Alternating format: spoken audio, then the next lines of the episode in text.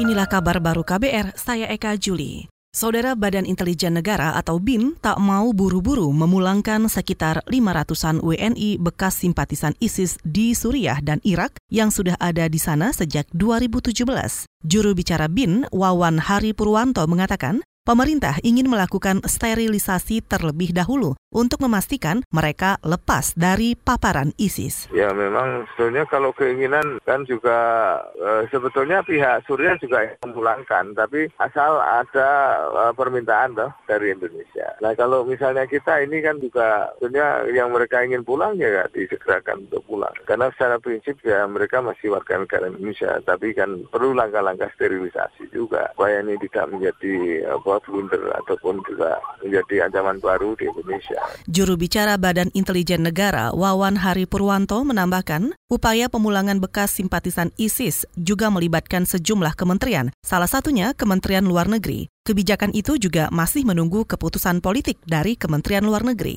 Menurut data yang dirilis Institut Analisis Kebijakan Konflik, sampai September 2017 diperkirakan 570-an warga negara Indonesia atau WNI yang bergabung kelompok berafiliasi ISIS. Dari jumlah itu, lebih dari 500 orang dideportasi.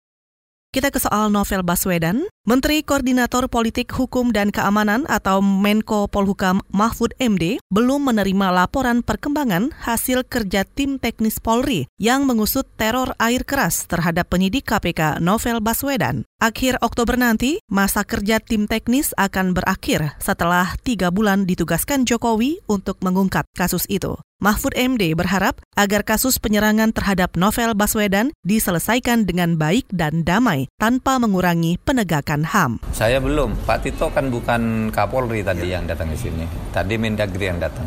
Jadi yang yang Polri saya belum belum secara resmi berbicara. Jadi saya ya nanti bicara dulu. Tunggu aja perkembangannya lah. Pokoknya semua harus selesai baik-baik dan penuh kedamaian tapi tapi tanpa mengurangi apa namanya penegakan hak dan hukum bagi setiap orang. Sementara itu, juru bicara Mabes Polri, Dedi Prasetyo, optimistis tim teknis kasus novel Baswedan akan mengungkap kasus itu dengan cepat. Juru bicara KPK Febri Diansah mengatakan, lembaga anti rasuah itu akan menanti hasil pengusutan teror penyidik KPK novel Baswedan oleh tim teknis. Febri juga berharap agar tim teknis Polri dapat mengungkap pelaku selama masa kerja tiga bulan sejak 1 Agustus 2019 sesuai mandat Presiden.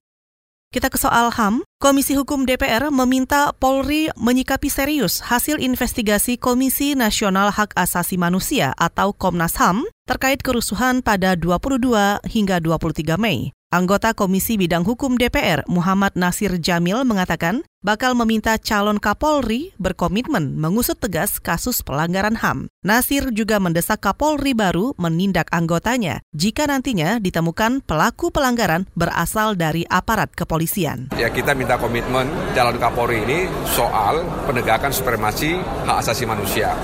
Nah, ke depan kita ingin Polri itu lebih humanis dalam mengantisipasi para pengunjuk rasa. Anggota Komisi Hukum DPR Muhammad Nasir Jamil juga mengklaim DPR akan menagih Idham Aziz sebagai calon Kapolri untuk upaya menyelesaikan kasus pelanggaran yang melibatkan anggotanya. Sebelumnya, Komnas HAM menyebut ada perancang utama di balik kerusuhan yang terjadi pada 21 hingga 23 Mei 2019 di Jakarta. Komisioner Komnas HAM BK Ulung menyatakan indikasi itu didapat dari hasil investigasi sekitar lima bulan pasca rusuh. Indikasi ini juga sama seperti yang disebutkan Polri beberapa waktu lalu. Dalam kerusuhan itu, 10 orang dinyatakan tewas, 9 di antaranya terkena peluru tajam. Saudara Organisasi Angkutan Darat atau Organda Kota Kabupaten Cirebon mengkritik pemindahan kembali rute penerbangan potensial dari Bandara Internasional Kertajati Majalengka ke Bandara Hussein Sastra Negara Bandung. Ketua Organisasi Angkutan Darat atau Organda Kota Kabupaten Cirebon, Karsono, mengatakan kebijakan prematur itu merugikan puluhan pengusaha shuttle karena nilai investasinya cukup besar. Ia mendesak Pemprov setempat membuat kebijakan yang konsisten. Ya kasihan kan orang udah beli invest, beli mobil, uh, mengharapkan bandara itu ramai sehingga kayak Budiman sudah bikin kan, Kertajati, Tasik, Ciamis kan gitu.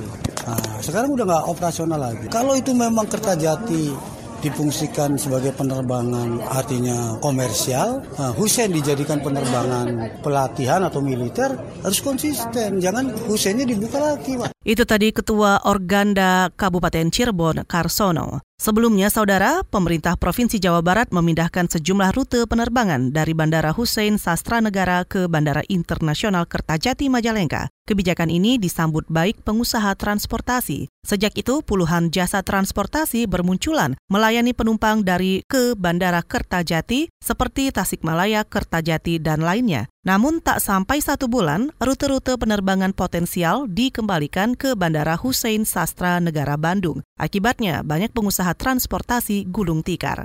Saudara demikian kabar baru, saya Eka Juli.